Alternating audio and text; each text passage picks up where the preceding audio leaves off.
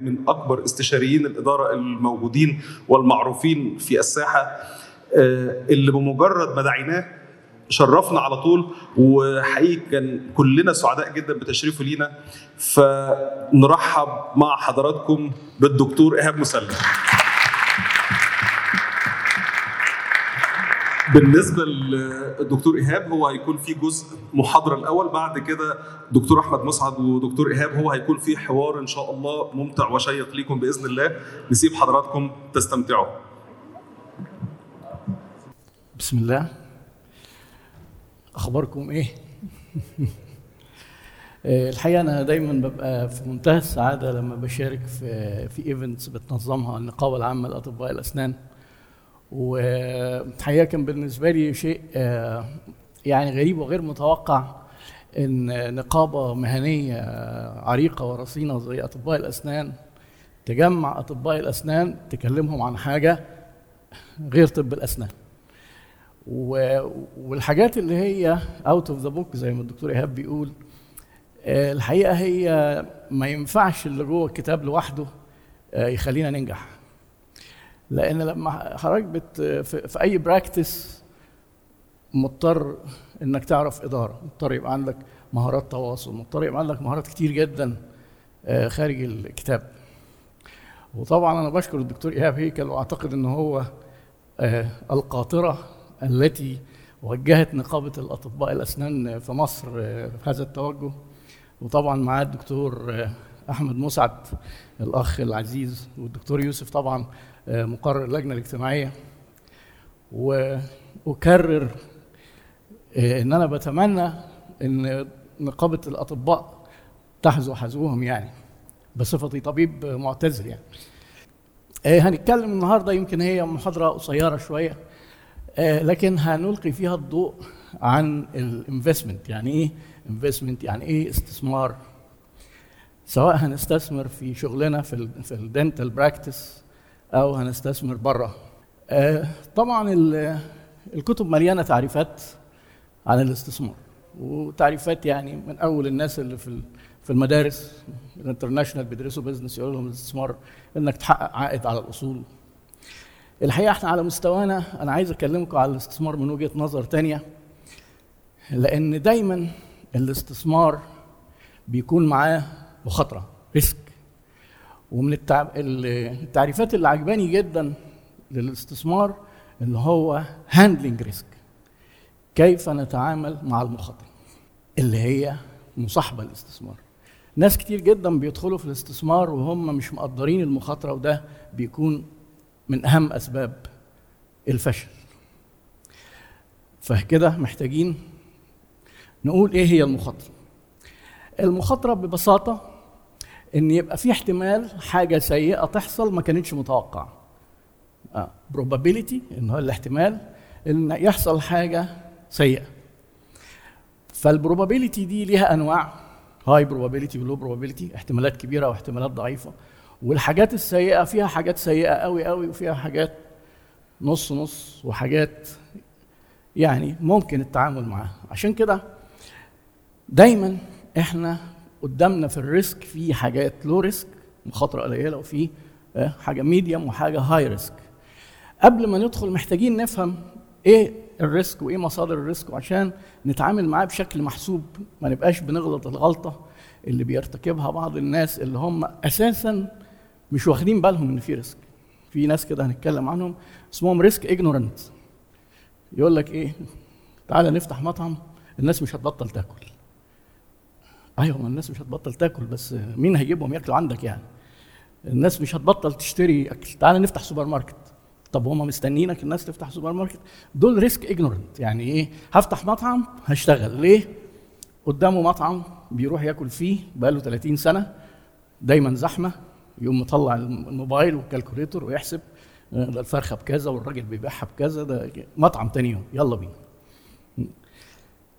لو إحنا عملنا العلاقة ما بين ال probability اللي هي ال high وال low risk وال impact برضو. ال impact اللي هو التأثير أو الخطورة. high or low هنلاقي هيتولد عندنا ماتريكس بالشكل ده. حاجات فيها آه، احتمال قليل ولو حصل حاجة هتبقى مخاطرة قليلة. وحاجات فيها احتمال عالي والحاجة لو حصلت هتبقى سيئة جدا. يعني المربع الأحمر ده إحنا نفسنا نبعد عنه. نحاول نشتغل في الحتة الخضراء الظريفة اللي فوق دي. لو أنا جيت مثلا ادينا مثال على الريسك طبي الأول. عيان هتعمل هتعمل له حاجة أو جراحة أو كده وجيت قلت له في احتمال مثلا ضعيف إن الموضوع الإجراء الجراحي ده آه، هياخد هيخليك بدل ما تقعد في المستشفى يوم تقعد يومين. احتمال واحد في المية خمسة في المية إنك هتقعد في المستشفى بدل يوم يومين. فهو هنا إيه؟ إحنا في المربع الأخضر. خلاص ممكن نعمل الاجراء ده ليه؟ البروبابيلتي قليلة ولو حصلت الحاجة ما هيش كارثة. غير لما نيجي نقول إن في احتمال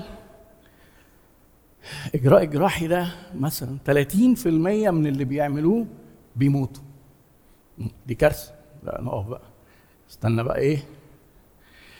ما ينفعش ندخل في القصة دي. وعلى فكرة في إجراءات جراحية في في بدايتها كانت كده. يعني أنا كنت بسمع لقاء للدكتور طارق حلمي طبعا ده من أشهر جراحين القلب. قال لك لما كنت نايب في القصر العيني في السبعينات كنا بنعمل 30 عملية آه، قلب مفتوح في الشهر ال 30 عيان بيموتوا لدرجة إن هو قرر إنه هيسيب المهنة. قال لك إيه بقى؟ إحنا قاعدين مضيعين وقتنا وما بيروحش وبتاع. فكانت عمليات very high risk طب إحنا في ال business في عندنا high risk كده؟ في في نوع من أنواع ال investment احتمالية إنك تخسر 100% من فلوسك 100% من فلوسك الاحتمالية دي بتوصل قد إيه؟ 95% حد يقدر يستنتج إيه هو إيه هو ال investment ده؟ الفوركس حد سمع عن كلمة الفوركس قبل كده؟ الفوركس 95% من اللي بيدخلوا فيه بيخسروا فلوسهم بالكامل. وعلى فكرة في ساعات بيخسروا 200% من فلوسهم. إزاي؟ بيكسبوهم الأول شوية يبقوا حاطط 10000 دولار يبقوا 15 يبقوا 20 بعد شوية يبقوا صفر. طب إزاي ناس بتدخل؟ على فكرة ده كلام إحصائي منشور في النت وفي كل حتة. إزاي الناس بيروحوا لحد دلوقتي بيقعوا ضحايا إن هم يستثمروا في مجال زي الفوركس؟ اغلبهم ما بيبقاش عارف الحكاية دي. وجزء منهم بيبقى طمعان في الخمسة في المية وجزء منهم بيبقى حابب قوي ال adrenaline rush اللي هو بيقعد يراقب كده في ناس كده personalities أو شخصيات هي مغامرة ومقامرة بيستمتع بالمغامرة. بدل ما يروح يغامر ويتسلق الجبال اللي هو في very high risk ممكن يقع يموت. بس في ناس بتحب كده فهو قاعد بيحط إيه فلوسه ويقعد يراقبها على أمل يبقى من الخمسة في المية. طيب هنا بقى في محتاجين نتكلم عن أنواع الناس وعلاقتهم بال risk وإحنا عايزين نبقى مع مين؟ في ناس risk averse ما بيحبوش المخاطرة خالص ودول علشان يستثمروا لازم يتخلصوا من كراهيتهم للمخاطرة لأن ما فيش اطلاقا أي investment بدون risk وإحنا هنعرف إيه؟ هنعرف بعد شوية مصادر ال risk بيجي منين وإزاي نقلله دول أول ناس. تاني ناس بيبقوا اسمهم risk takers اللي هم ال gamblers اللي إحنا قلنا عليهم اللي هو إيه؟ مش مشكلة. ودايما تسمع منه الكلام اللي هو إيه؟ تعالى بس ما تقعدش بقى تحسب لها وتقعد تدقق لها وبتاع.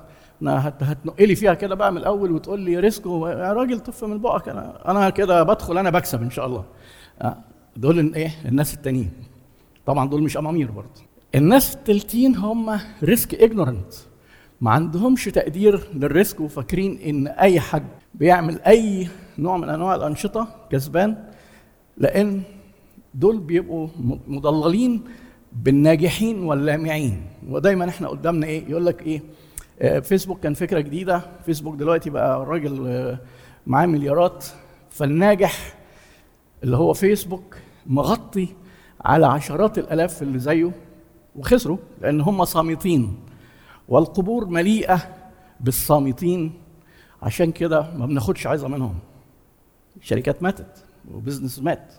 إحنا عايزين ندخل على calculated risk إحنا عايزين ناخد ال risk بس نحسبه ونفهم إن في risk لازم بس نبقى عارفين إزاي ندخل على ال risk مش إيه؟ ندخل كده وخلاص. طيب إيه هي ال sources of risk مصادر ال risk بتجيلنا منين لما نيجي نبدأ أي business وهنا إحنا بنتكلم على ال business risk أو أو ال business investment وبالتالي ال- ال risk بتاعه. في مصادر بتجيلنا من بره لل risk وفي مصادر بتجيلنا مننا من جوه بتعمل عندنا آه، مخاطرة ممكن تخسرنا اللي من بره دي ليها نوعين حاجة في البيئة الكلية ما بنأثرش فيها خالص. حاجات زي مثلا البراكين والكوفيد والحروب. دي حاجة في ال macro environment اللي هي البيئة الكلية اللي إحنا كلنا فيها. وفي حاجات في المايكرو بره برضه بس هي بنقدر نتفاعل معاها. منافس مثلا عمل حاجة أو آه، عميل عملاء. وفي حاجات داخلية عندنا. لما نيجي نحللهم بتفصيل شوية هنبص على ال external ال macro environment هنلاقي آه، في كلمة شهيرة قوي اسمها PESTEL. PESTEL دي اختصار آه، كل كل حرف بيعني كلمة. ست حاجات موجودين في البيئة الكلية. ملناش تأثير قلنا عليها. ال P هي الظروف السياسية. مثلا اللي شغالين في السياحة تأثروا جدا بالحرب بين روسيا وأوكرانيا وإحنا معظم السياحة الشاطئية بتاعتنا كانت بتيجي من الدولتين دول فده نوع من أنواع ال risk. ال- طبعا حرب الس- السودان الحرب الأهلية. الحروب ال- عدم الاستقرار السياسي كل ده مصدر مصادر ال risk ال E ال economic إحنا مثلا عندنا في مصر التضخم اللي حاصل خلى قدرة الناس الشرائية تقل بعد بعض businesses تأثرت جدا. آه، سعر الصرف الناس اللي بيستوردوا حاجات برضو تأثروا التكلفة عليت. آه، وهو ده من أسباب التضخم. التضخم ببساطة إحنا عارفين إن هو ارتفاع الأسعار. ال S ال social ال- السوشيال ميديا دلوقتي بالنسبة للشركات يعني اللي مش ملتزمة قوي بقت بعبع لأن أي واحد بيعمل مشكلة ممكن يلاقي جدا سمعته اللي بناها في 20 سنة تهدم في 20 ثانية. حد يطلع يحكي قصة بشكل عاطفي كده إزاي يتعاملوا معاه بشكل وحش وكلنا بنتعاطف معاه لأن إحنا كلنا عملاء. حتى اللي فينا أصحاب شركات بنبدأ نـ share الكلام ده ونبدأ نتفاعل. فممكن فعلا يبقى مصدر من مصادر ال risk التكنولوجيا. التكنولوجيا بقى طبعا دلوقتي هي حديث العالم لأن بدأ يبقى في فرص وفي تهديدات وفي risk كتير جدا. التكنولوجيا طبعا داخل في مجال طب الأسنان آه، بشكل متميز جدا. وكان معايا الدكتور أحمد كنا بنتكلم عن الموضوع ده. آه، دلوقتي مثلا آه، بقى ممكن في العيادة يتعمل حاجات كده زي المكان ال 3D printing وال C CNC حاجات شبه كده يبقى مثلا في بدل المعمل. فده شكل من أشكال برضو ال investment ال- معتمد على ال technology. بدل ما نقعد نستنى كذا يوم آه، أنا شخصيا يعني الطبيب اللي بروح له في المعادي آه، كان مبهر قوي بالنسبة لي التكنولوجيا دي. أول مرة أتعامل معاها فلقيته إيه قال لي كده شوية كده وقام داخل جوه وقام جايب لي البتاع وحطها لي. فأنا قلت له طيب أنا هاجي إمتى؟ قال لي لا ده خلاص كده خلصنا الريسك جاي منين؟ اللي ما عندوش بقى الحاجات دي هينافس إزاي؟ آه، و, و أستاذنا عنان شوية قال إيه؟ إن إحنا قدامنا فرصة جامدة جدا في إن إحنا ننافس في في تقديم خدمة world class على مستوى ننافس على مستوى العالم وإحنا عندنا ال human resources اللي تقدر بس ال systems الإدارية. وطبعا ال industry بتاعت في في overlap جامد جدا ما بين صناعة السياحة وال hospitality وأي service تانية زي طب الأسنان. لأن إحنا لازم ندي للناس five star service الناس اللي جايين دول جاي عايز يتفسح حتة سياحية سياحة علاجية وعايز يتقابل زي ما بيقابلوا حد في أوتيل خمس نجوم في العيادة. عايز يدخل الحمام يلاقيه خمس نجوم. الموضوع مش الدكتور بس. فالموضوع دلوقتي قايم الحاجات متداخلة technology وبعدين ال environmental بقى الحاجات اللي هي الحاجات الطبيعية. زي ما جت مثلا وباء زي كورونا آه، زلزال زي اللي ضرب آه، تركيا. دي مصادر risk برضو شركات الطيران والأوتيلات قعدت قافلة فترة طويلة جدا لما آه، من فبراير كده سنة 20 بسبب ال environmental factors اللي حصلت. ال legal ال بقى legal اللي هي القوانين. القوانين ممكن تبقى مصدر risk طبعا من الأمثلة الشهيرة عندنا ومعانين منها طبعا يمكن مجال طب الأسنان وكان فترة كان البنج نقص والحاجات المستهلكات والكلام ده. ليه؟ لأن صدر قرار إن الاستيراد بدل ما كان مثلا بيشتغل بمستندات تحصيل أو TT بقى بفتح اعتمادات وفتح الاعتمادات ما بقاش سهل. طبعا ده حاجة ليها علاقة هي legal آه قانونية بس هي ليها علاقة بمتغير اقتصادي وإحنا عندنا عجز في العملة الصعبة. risk طبعا. البيئة بقى المباشرة إزاي ممكن تبقى مصدر لل risk؟ اللي هي الناس اللي حوالينا اللي إحنا بنتعامل معاهم. إحنا بنتعامل مع موردين بيوردوا لنا الحاجات. بنتعامل مع العملاء لما بيجوا لنا. بناخد بالنا من المنافسين الموجودين. يعني دول أهم ثلاث حاجات في ال micro environment. لو ده ال business بتاعنا في الدايرة الصفراء دي وإحنا بادئين أول ناس بنتعامل معاهم دايما هم ال suppliers. هتفتح عيادة هتجيب مكنة الأسنان منين؟ لو هتشطبها مين اللي هيشطبها لك؟ هتجيب ال materials إزاي؟ آه ال suppliers. ال suppliers ممكن يبقوا مصدر risk بالذات للناس اللي بادئه نشاطها جديد لأن لسه ما فيش عندهم رصيد يخليهم يتفاوضوا ويضغطوا. آه تلاقي مثلا عيادة قديمة بقى لها 10 15 سنة بتاخد بأسعار أقل منك وأنت لسه جديد. بتاخد تسهيل مع إن أنت تفكر كده تقول إيه الظلم ده يا ربي؟ ده أنا أولى. يعني هم يدوا تسهيل للناس الكبيرة الاغنياء دول وما بيساعدوش ال... أيوه هي الدنيا كده. هو. لسه ما يضمنش لما يساعدك ويديك تسهيل هتسد ولا لا. ما يعرفش انت هينتهي بيك الأمر قد إيه. هيقسط لك على سنة انت موجود بعد سنة ولا مش موجود بعد سنة. risk جاي من ال suppliers أسعار عالية مفيش تسهيلات فبتلاقي ال cost بتزيد ال risk بيزيد. في البداية برضو في أي نشاط هتلاقي ال customers بيضغطوا عليك. وبيبقوا ممكن مصدر من مصادر ال risk ده انت لسه مش معروف متوقعين تدي لهم ميزات. متوقعين تدي أسعار أقل. متوقعين تشتع... إيه تريحهم في الدفع. شايفين؟ إيه عكس الموردين تماما. لا ده هو يجي يقول لك بقى إيه بالراحة شوية. يعني يجي مثلا إيه الدكتور أحمد أنا عارف بيورد العيادات. أعتقد وهو بادئ قابلته المشكلة دي. طب إيه البتاعة دي بتشتغل إزاي؟ أصل إحنا شغال بكذا. ومريحني. أنا بعمل ما أعرفش إيه بتعامل مع الشركة الفلانية بقى لي سنين. طب سيبها لي. وبعدين يسيبها له يقول له إيه؟ طب الفلوس؟ يقول له لا استنى بقى ما نشوف بقى حكاية الفلوس دي بعد شوية. لا ما اشتغلتش بيها. لا خدها تاني. العملاء بتضغط. ففي risk جاي من ضغط العملاء. نجحت. هنتخيل كده ومشيت الأمور معاك في ال business بتاعك. هيبدأ مين بقى؟ ياخد بالهم منك المنافسين. وما أدراك ما المنافسين. أكبر قوة بتضغط على كل ال businesses الموجودة دايما المنافسين. كل واحد بيقول لك إيه اللي طالع لنا جديد ده؟ تعال أما نشوف. هو بيعمل إيه؟ فارق في إيه؟ في الحتة دي؟ لا نعملها بقى إحنا أحسن منه. ويحاول كل واحد يشوف حتة من اللي أنت بتعملها. تلاقي نفسك اتحطيت في risk والأمور بدأت. فاكرين ال probability اللي إحنا قلنا عليها؟ بدأ يحصل احتمالات إن ما تمشيش زي ما كنا متخيلين. دايما في السوق في حاجة اسمها new entrants دول مش منافسين عاديين. دول داخلين لما بصوا عليك ولقوك نجحت فداخلين علشان يقلدوك انت تحديدا. هم داخلين لعملائك.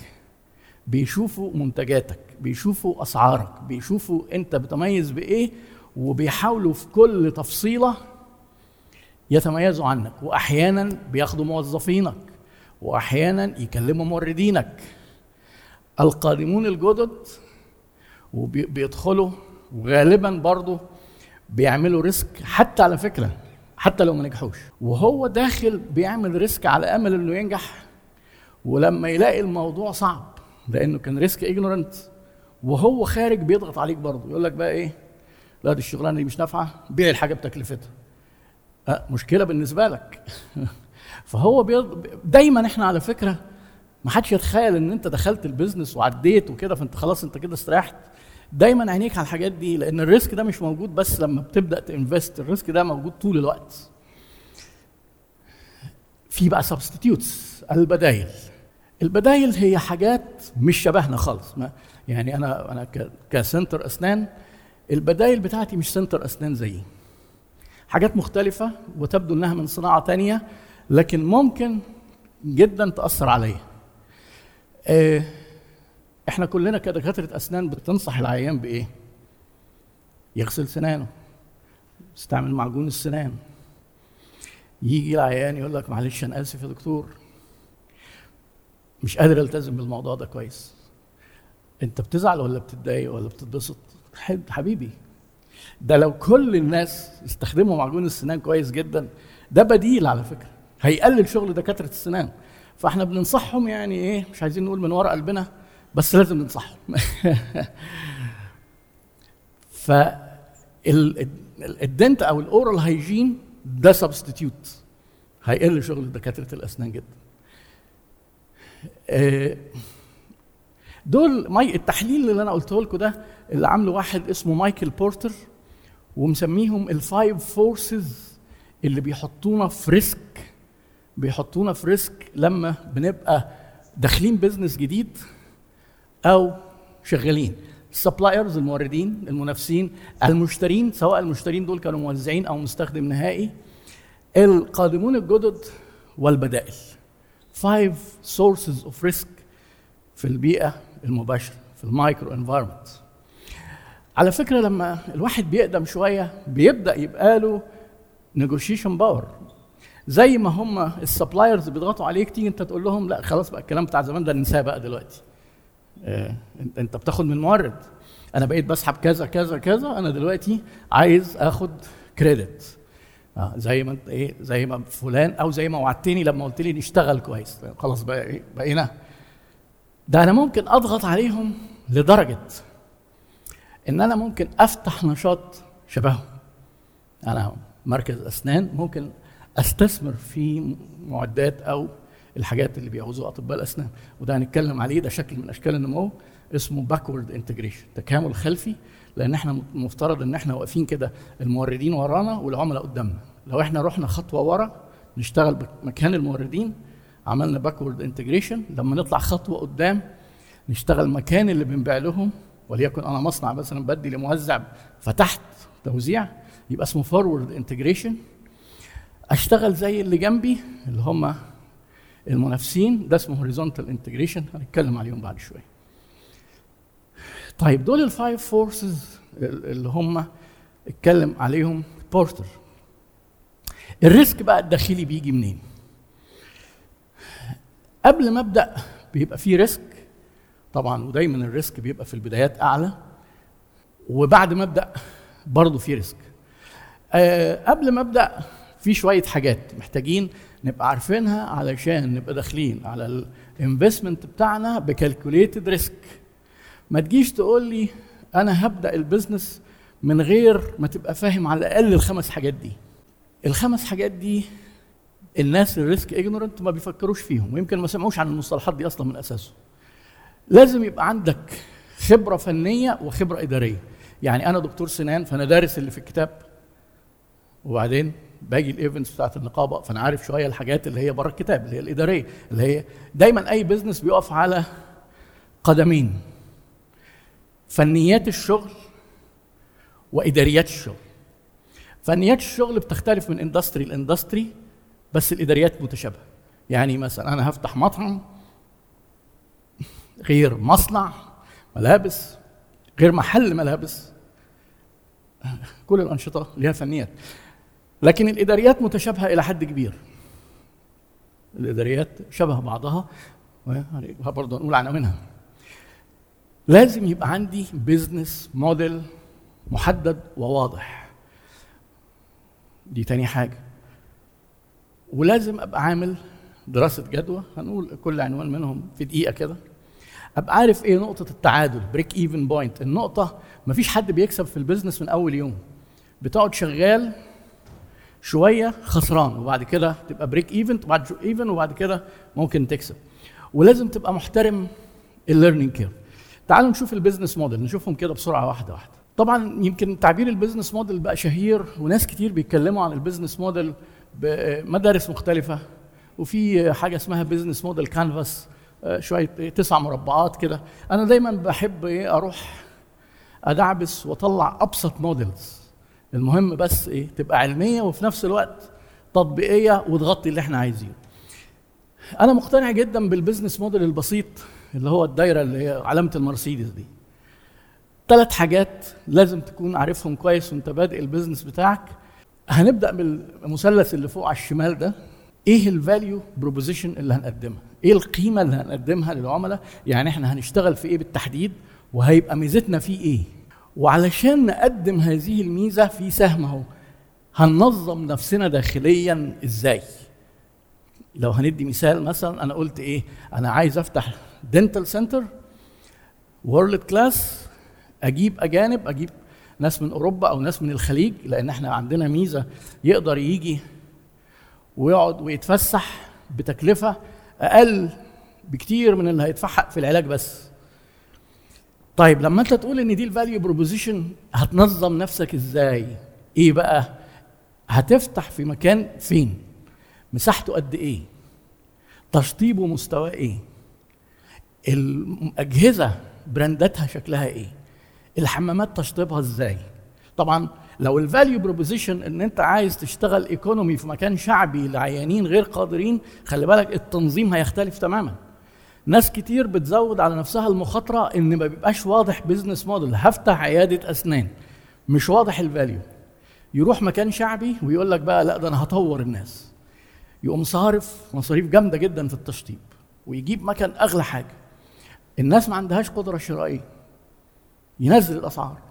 يخسر. يقعد يخسر. يخسر إلى أن يكتشف خطأه في النهاية إن هو المخاطرة اللي وقع فيها كان بسبب إنه ما عملش business model واضح وأنا دايما بحب أتكلم على على ال medical وال dental practice إن هو business هو في بعض الناس بيزعلوا زمايلي يقولوا لي إيه أنت بتقعد تقول إن إحنا business وبتاع.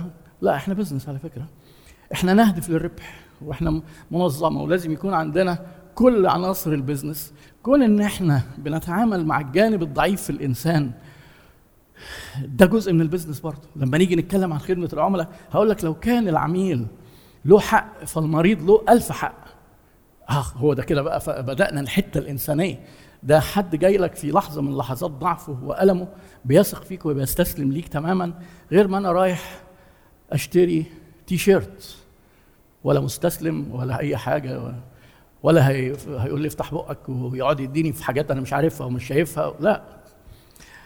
فاحنا بنقول business ليه؟ لأن التلات بعد كده بقى إيه؟ لازم حسابات المكسب والخسارة. هنكسب إزاي؟ profit equations اللي هي بقى ثالث مثلث. هنكسب ليه؟ هيجي لنا إيرادات. في عندنا مصروفات. هنبدأ نكسب بعد ما نجيب المصروفات الثابتة. في نوعين من المصروفات. مصروفات ثابتة. آه عندك موظفين عندك مثلا إيجار عيادة. حتى لو ما جالكش ولا مريض هتدفعهم يبقى ثابته في متغيرة اللي هي بقى كل ما يجي لك مريض هتصرف عليه شوية. فأنت مثلا هنفترض العيادة عندك مصاريفها الثابتة 10000 جنيه. المريض بيكلفك متغيرة 500 وأنت بتحاسبه على 1500 عشان نبسط بس الأرقام يعني. فأنت كل مريض هنفترض كده إيه أنت كسبان منه 1000 محتاج 10 مرضى علشان تبقى break even ال 11 كسبت منه بقى ال 1000 جنيه. قبل كده أنت خسران. تقعد تعمل لي المعادلات دي وما تحطش سيناريو واحد. من أهم مصادر ال risk اللي داخل يقول إيه؟ أنا هفتح عيادة كأنه بيقرا في كتاب مفتوح كده المستقبل يعني. آه هجيب 30 عيان في الشهر. العيان هكسب منه كذا. هنصرف كذا هبقى كسبان كذا. على أساس إيه؟ لا ده أنت لازم تحط كذا سيناريو. في حاجة اسمها pessimistic scenario سيناريو متشائم كده تحط أقل حاجة وتحط ال optimistic اللي هو أفضل حاجة وتحط بينهم most likely يعني أنا عايزك تعمل خمس سيناريوهات على الأقل. عشان كل ده إحنا بنحسب ال risk هنقدر نتحمله قد إيه؟ هتتحمل أسوأ سيناريو قد إيه؟ إحنا كده داخلين على calculated risk ده ال business model وبعدين إيه؟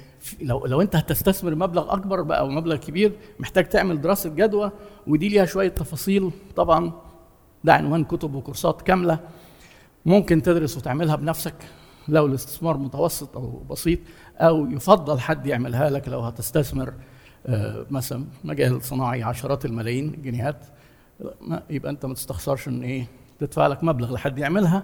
بس خلي بالك مش كل اللي بيعملوا دراسات الجدوى ثقة لأن في ناس بينقلوا حاجات من النت وبيسألوا أخونا ChatGPT فبيديهم إجابات ظريفة يقول لك اتفضل هات فلوس. ال break even point هي اللي إحنا قلناها من شوية. لو جالي 10 عيانين كل عيان 1000 أنا عندي مصاريف 10000 هي دي نقطة التعادل. مع إيراد 15000 جنيه بتتحسب بالمرضى أو بالإيراد ويفضل بالإيراد لأن مش كل العيانين بيدفعوا نفس المبلغ. لو أنا جالي إيراد كذا غالبا هبقى break even فدايما تحط أهداف إنك تعلي عن الايه عن ال break even ولازم تحترم منحنى التعلم. اسمه learning curve مفيش حاجة في الدنيا جديدة علينا بنعملها غير لما لازم بنمر بهذا المنحنى. وعدم احترامنا لهذا المنحنى إنك تدخل مكان أو تشوف حد شغال بقاله 10 15 سنة وتتخيل إنك هتشتغل بنفس خبرته من أول يوم يبقى انت كده مش عارف ان في حاجة اسمها learning curve وده ممكن يزود المخاطرة عندك جدا. حتى حضرتك لو انت هنفترض مثلا عيادة أسنان فيها أوضة واحدة لو هتعمل أوضة تانية لأن الأمور بقت الحمد لله كويسة وهتبدأ تفكر تجيب assistant وتعمل time management بحيث إنك انت تشوف كل العيانين ده محتاج learning curve ما بيتعملش كده بإيه؟ ب click mouse click ما فيش حاجة كده. طيب لما نبدأ بقى هنيجي المن... ال managerial الحته ال management. إن إحنا هندير مكاننا لازم نبقى فاهمين في الأسس الإدارية اللي هي على الأقل الأربع إدارات دول. نبقى فاهمين يعني إيه إدارة مالية؟ نبقى فاهمين يعني إيه إدارة تسويق. نبقى فاهمين إدارة البشر والموارد البشرية تمشي إزاي. نبقى فاهمين ال operations بتمشي إزاي. بسرعة كده. ال finance لازم يبقى عندك نظام محاسبي اللي مسجل في عنده sheet Excel بيسجل فيه الإيرادات والمصروفات. لو سمحت يؤسفني أقول لك دي مش حسابات. بص على الإيرادات والمصروفات وجاوب لي على السؤال التالي. أنت كسبان الشهر ده كام؟ وأبشرك مستحيل تعرف تجاوب. ليه؟ لأن المصروفات مش شيء واحد. هي هل المرتبات زي قسط بتاع التكييف زي جبت material العيانين زي صرفت تسويق. ما دي مصروفات كلها متسجلة إيه؟ ها وارد منصرف رصيد وارد من... طيب دلوقتي أنا عندي رصيد آخر الشهر 5000 جنيه. أنا كده كسبانهم؟ لا آسف. مش هتقدر مستحيل تعرف من sheet ال Excel أنت كسبان قد إيه. طب نعرف إزاي؟ system حسابات والموضوع بسيط جدا والوقت بقى في حاجات بسيطة وفي شركات مصري وشركات أجنبية عاملاه بتسجل بشكل مش لازم يبقى فيه محاسب حتى بس تقدر تعمل قوائم مالية تعمل balance sheet ميزانية تعمل income statement قائمة دخل تعرف بالظبط انت كسبان قد إيه. ال- ال marketing بقى ال marketing ناس فاكرة إن ال marketing هو يلا ال social media يلا فيسبوك يلا إعلان. لا ده دي حاجة في الآخر خالص.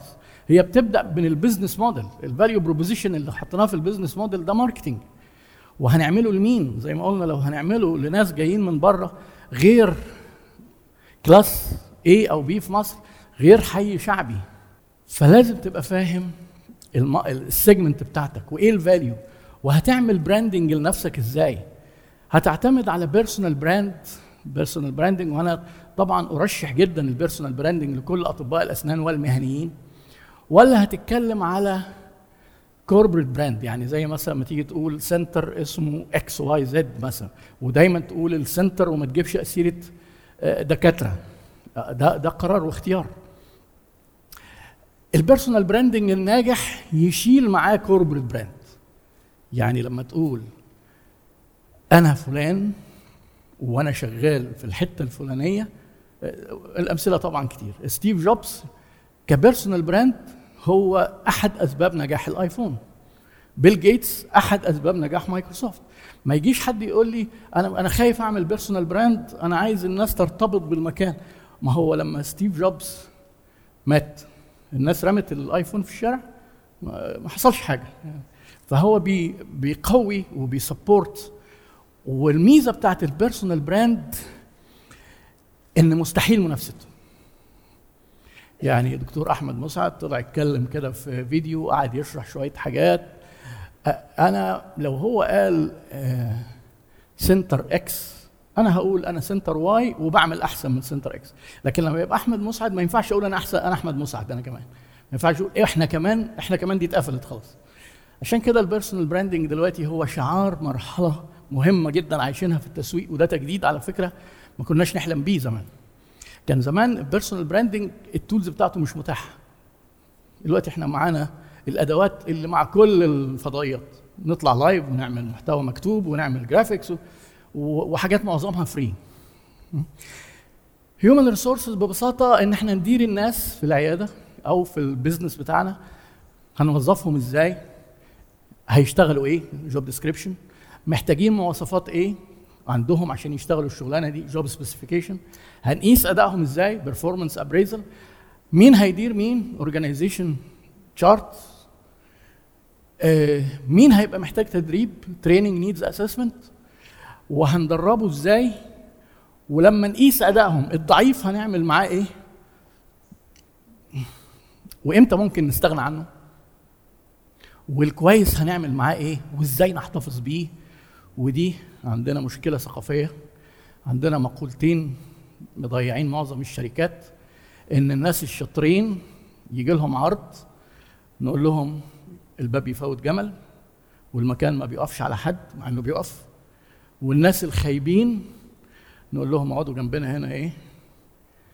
اصل قطع الارزاق حرام. اعتقد الكلام ده يعني exclusive لمصر ما فيش في اوروبا والكلام بتاع إيه؟ قطع الارزاق حرام ده والا إيه؟ إحنا بنحول الشركة إلى كده إيه؟ تجمع من ضعيف الكفاءة وطارد للكفاءات. بالعكس ثقافة مريضة. لما يجي واحد شاطر يبص يقول لك إيه ده الجماعة ده ده ما حدش بيعمل حاجة. ده نظامهم يكش تولع. وأنا ما عايز أشتغل مش عارف. كل ما أشتغل يكعبلوني. ما هو أحسن من إن أنت تسابق وتتعب. لا أنت تكعبل اللي بيجري. خلاص فاحنا إيه كلنا في الهوا سوا كده يعني. human resources وأهم حاجة في الشركة حاجة اسمها organization culture أهم حاجة في ال business ال culture الروح اللي عند الناس. حبهم للمكان حبهم لبعض ولائهم وانتمائهم وإن هم عايزين يأدوا. ده كلام من أصعب الحاجات في الإدارة ولو اتعمل من أصعب الحاجات في منافسته اللي هي ثقافة الشركة. ال operations دول اللي هي إيه بقى؟ هنشتغل إيه؟ يعني اللي هم ببساطة اللي بيعملوا الحاجات اللي بتجيب لنا فلوس. بيهتموا بال quality ودايما في levels of quality مفيش حاجة اسمها إحنا هنشتغل بال best quality مفيش best quality لكل الناس. بدليل مثلا إن في أوتيلات نجمة واحدة ونجمتين ونجمة مفيش حاجة اسمها إيه؟ ده الشاب اللي بيسافر وهينزل في أوتيل نجمة واحدة ده رايح بيصرف فلوسه في الأرض. لا هو ده ال quality المناسبة بالنسبة له. ال five stars مناسبة لبعض ناس تانيين. فإحنا إيه؟ level of quality ال cost هنشتغل بأي cost مناسب عشان نعرف نكسب لما نعمل pricing هنشتغل بأي variety اللي هو تنوع هنقدم خدمات إيه وإيه وإيه. نشتغل مثلا جراحة تقويم تجميل. ما ينفعش أبقى أنا أوتيل نجمة وخمس نجوم. يعني نجمة الصبح وخمس نجوم بالليل ما ينفعش. هو أنا أوتيل يا نجمة يا خمس نجوم. أنا هشتغل ملابس يا إما إيه شعبي يا وسط يا عالي. آه فاضل حاجة أنا قلت لكم إيه الكواليتي الكوست الفرايتي التايم الوقت الوقت. الناس ال digital اللي اشتغلوا digital في ال dentistry وخلوا العيان بدل ما يقعد يستنى خلص الحاجة على طول. ده time والناس مستعجلين. كل ما تدي تدي ميزة في الوقت انت كده أفضل. لما يجي مثلا ماكدونالدز اللي هو 40000 فرع في العالم لما بيجي يعمل إعلانات ما بيقولش 40000 فرع في العالم. بيقول لك أسرع دليفري شايفين؟ ساب كل حاجة في كل الكلام ده وكلمك على الوقت. علشان لما يبقى أنت مستعجل ما يخطرش على بالك غير ماك. ده كل ده شغل الايه ال marketing اللي مهم بالنسبة لنا مش مهم للعملاء. كون إن أنت في أمازون عندك مليون ونص موظف ده رقم wow لأي حد. لكن أنا لو هدخل على أمازون وأطلب حاجة ويقولوا لي هتوصلك the same day أو هطلب حاجة من US من USA ويقولوا لي هنحاسبك على الشحن والجمارك مش هتدخل في hassles معاهم وتمن الحاجة وهتوصلك لحد البيت في خلال أسبوع مثلا من أمريكا. آه ده كده إيه لعبنا على service و time مش ان إحنا اتكلمنا ان عندنا منتجات وعندنا ما أعرفش إيه في العالم كله مليون هم مليون وستة من عشرة آه موظف حاليا من ضمنهم أكتر من 30 ألف developer فدول بتوع ال operations في البداية أنا قلت لكم إيه؟ investment is handling risk. لما ندخل في ال business ونبدأ ندير ده الفرق ما بين ال management وال investment بقى إنك بتدير كيان investment يعني لسه هنقرر هندخل ولا لأ في risk لازم نحسبه. دخلنا وهندير عندنا تعقيد جامد جدا. شايفين أنا اتكلمت عن كام عنوان؟ ده دي العناوين السريعة علشان هم قالوا لي نص ساعة وما تطولش وأنا بتهيألي طولت يعني. فأنت بتتكلم إيه؟ إن في حاجات بره الشركة حاجات macro وحاجات مايكرو وتبص على الاقتصاد وتبص على القوانين وبعدين تبص على المنافسين وتبص على العملاء وتبص على الإدارة الداخلية جوه عندك. بص على ال operations بص إيه النواقص اللي عندك في في ال material. لو أنت retailer معدل دوران المخزون قد إيه؟ رضا العملاء كام في المية؟ management is handling complexity علشان كده ما حدش يتكلم لحد النهارده at least إن ال AI رغم تقدمه إنه ممكن يدير شركة لحد النهارده بس ممكن قدام. ليه؟ عشان ال complexity دي محتاجة ال human intelligence إحنا لو قلنا إن في حاجة اسمها AI artificial intelligence هم عايزين يوصلوا نفسهم يوصلوا لل AGI اللي هي general artificial general intelligence لو وصلوا لها يعني من ضمن الوظائف اللي ممكن يقعدوا في البيت مديرين الشركات. يقعدوا يغذوا كده بال inputs ياخد هو القرارات وخلاص. يعني مع إن الحتة ال human ما أعرفش هيعملوا فيها إيه. بس على الأقل أنا عايزك تفهم إن الكمبيوترات المعقدة اللي هي غلبت بطل العالم في الشطرنج ما ينفعش لحد النهارده يحطوها تدير الشركة. ولا يا دكتور أحمد والله أنا بهبد. اعتبرني بهبد طيب. عايزين نكبر ال business. يعني إيه؟ قررنا حسبنا دخلنا نجحنا. عايزين نكبر بقى. عشان نكبر دول الإيه؟ فاكرين الدايرة دي؟ كانت هي الموردين. وهنا إحنا ودول المنافسين اللي منا وشمالنا. ودول العملاء اللي بيشتروا مننا. فأنا أحد الطرق اللي بفكر فيها إن أنا أكبر بيها. إن أنا أرجع أشتغل زي المورد بتاعي زي ما قلنا كده. أنا دكتور أسنان لا هشتغل هعمل إيه؟ مستلزمات للأسنان. ده اسمه backward integration أنا هشتغل مكان المورد بتاعي. أو أنا فاتح center X هعمل center Y يبقى أنا كأني عملت منافس وفي brand ات كتير جدا الناس مش عارفين إن هم طبع بعضيهم. ده اسمه إيه؟ horizontal integration تكامل أفقي على نفس المستوى. لو أنا كنت مصنع وهشتغل تجارة جملة يعني أنا قربت من العميل خطوة forward هشتغل تاجر تجزئة ده forward integration كمان تاني. فلما أنا أرجع مكان المورد يبقى إيه؟ بكبر في اتجاه الموردين. يعني شيبسي مثلا عملت مزارع بطاطس تكامل خلفي. بعد شوية بقوا بينتجوا تقاوي البطاطس فده تكامل خلفي درجة تانية. لأن إيه في التكامل ناحية الموردين ممكن يبقى كذا درجة. وهنا برضو بحذركم من التفكير اللي هو شوية تلقائي اللي واحد يقول لك إيه من خرافات ال business نمسك الخط من أوله أو الخيط من أوله. الخيط ملوش أول وما تحاولش تجيب أوله. مش هينفع تشتغل كل حاجة مكان كل الناس اللي بتتعامل معاهم. لازم تتعاون مع ناس ولازم تتقبل إن كل واحد في تخصصه ممكن يبقى أنجح. في بديل تاني للنمو طريقة تانية استراتيجية للتفكير في النمو. ال matrix دي هي علاقة اتنين في اتنين ما بين منتجاتنا الحالية والجديدة. إحنا المنتجات إحنا هنا في المربع ده. إحنا عندنا منتجات النهارده وبنتارجت بيها أسواق وشرايح عملاء النهارده المربع اللي فوق على الشمال. المربع اللي فوق على الشمال النهارده. ممكن نكبر إزاي؟ ممكن نفس عملائنا نديلهم خدمات إضافية.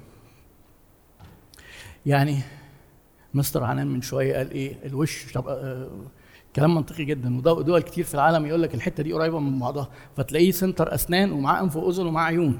وممكن تجميل. يبقى أنت عملائك اللي وثقوا فيك في الأسنان لما تتفق مع دكتور عيون يبقى أنت قدمت منتجات أو خدمات جديدة لنفس عملائك product development ودي استراتيجية ناجحة لأنها مبنية على علاقاتك وثقة. عملاء موجودين بالفعل.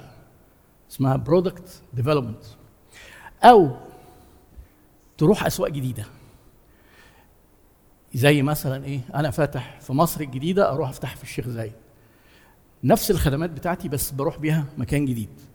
يا إما أنا أروح لهم أو اجتذبهم يعني أنا لما آجي وأنا شغال في مصر والعملاء المصريين وأحاول أعمل ترويج ورسائل للخليجيين. فانا اكتسبت اسواق جديده لنفس شغلي. ده اسمه market development بس خلي بالك كل تطوير من دول ما بيجيش كده محتاج تغيير. يعني تشوف مثلا الخليجيين هتلاقيهم محتاجين حاجات وشكل تعامل و system مختلف عن المصريين. ولما تعمل عيون أو كذا أو بلاش حتى لو جوه الأسنان أنت مش عندك تقويم دخلت التقويم. محتاج لازم تعمل شوية modifications عشان تطلع إيه تحافظ على النجاح. لأن النمو معناه إيه؟ نجحنا وعايزين نحافظ على نجاحنا وننجح أكتر. المربع الثالث اسمه diversification التنوع. والتنوع ده هو آفة العصر. يبقى دكتور قاعد في عيادته كده يجي له واحد يقول له طب الاسنان ما بقاش بيكسب. ده المطاعم مش ملاحقين. هات يا عم القرشين دول. تعالى نفتح مطعم. اللي هي المعرفة ال learning curve اللي انت خدت فيه سنين وبدأت تكسب منه وتفهم هو عايزك تسيبه وتقوم ناطط الايه ال cross ده. إياكم وهذه القفزة في الاستثمار. أعلى مخاطرة. أعلى مخاطرة. ليه؟ اللي عملوا ال matrix دي حطوا السهمين الحمر الظروف دول. risk. ورانا ورانا ال risk مش هيسيبنا. حتى بعد ما نجحنا وعايزين نكبر في risk. ما انت هتدخل حاجة جديدة خلي بالك. حاجة جديدة risk على طول. ال risk بيزيد كل لما إيه؟ تبعد عن المربع بتاعك. من خرج من داره خلاص خرج دخل في risk. هنا المخاطرة بتزيد وهنا المخاطرة بتزيد. يعني أعلى مخاطرة إيه؟ هو ده. نروح نفتح بقى إيه؟ كافيه مطعم نشتغل في الملابس. طيب يبقى أول بديل نفكر فيه إيه؟ مش الثلاثه دول على فكرة. أول بديل هو ده. وده دايما غائب عن أفكارنا. دايما إحنا عاملين إيه؟ زي القرع بنحب نمد لبره كده. أول بديل في النمو إن حضرتك تقدم نفس خدماتك لنفس شرايح عملائك يمكن في نفس مكانك.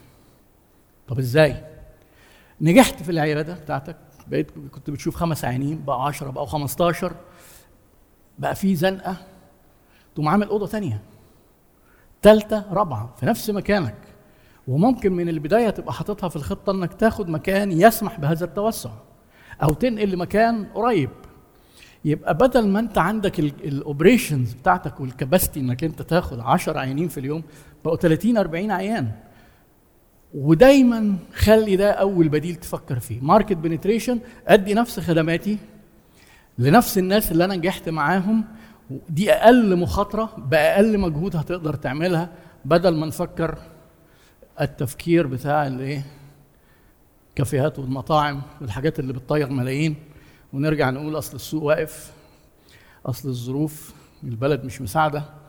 والقصة إن أنت ما احترمتش القواعد بتاعة ال risk ما احترمتش السهمين الحمر دول.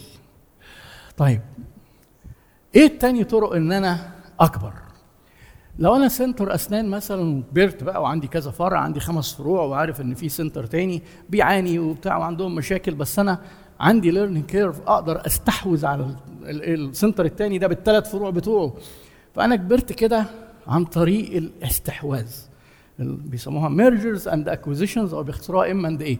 إن إيه؟ الاندماج والاستحواذ. وفي فرق بينهم بس يعني مش موضوعنا قوي إن إيه؟ إنك أنت تشتري كيان موجود. سمعتوا أكيد عن كلمة ال franchise دي قبل كده. حد أول مرة يشوف كلمة franchise؟ أكيد هي مش ال French fries. لأن أنا مرة كتبت post وكتبت ال franchise بس ما شرحتش قوي فلقيت حد في التعليقات بيقول لي هو حضرتك إيه علاقة علاقة البطاطس باللي حضرتك بتقوله ده يعني؟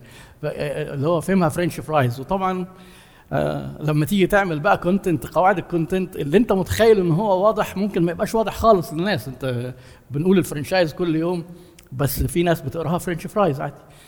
فال franchise إن أنت إيه آه حد يسمع فيكم عن مستشفى تبارك للأطفال؟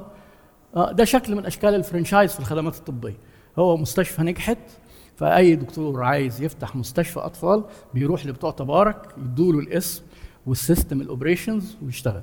ال franchise علاقة ما بين طرفين طرف يمتلك ال brand والعلامة التجارية ولازم يكون معاه كمان system قوي لأن أنا بروح أدفع فلوس في الحاجتين دول.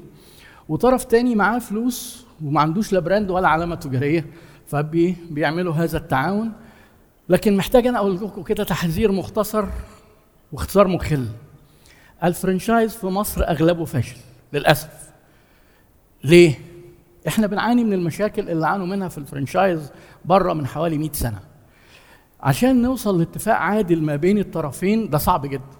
يا إما هيكون الاتفاق وغالبا بيبقى في صالح صاحب العلامة التجارية ضد مصلحة المستثمر الجديد بشكل غير عادل وممكن واحد يبقى بيكسب والتاني بيخسر يا إما العكس وده حالات أقل.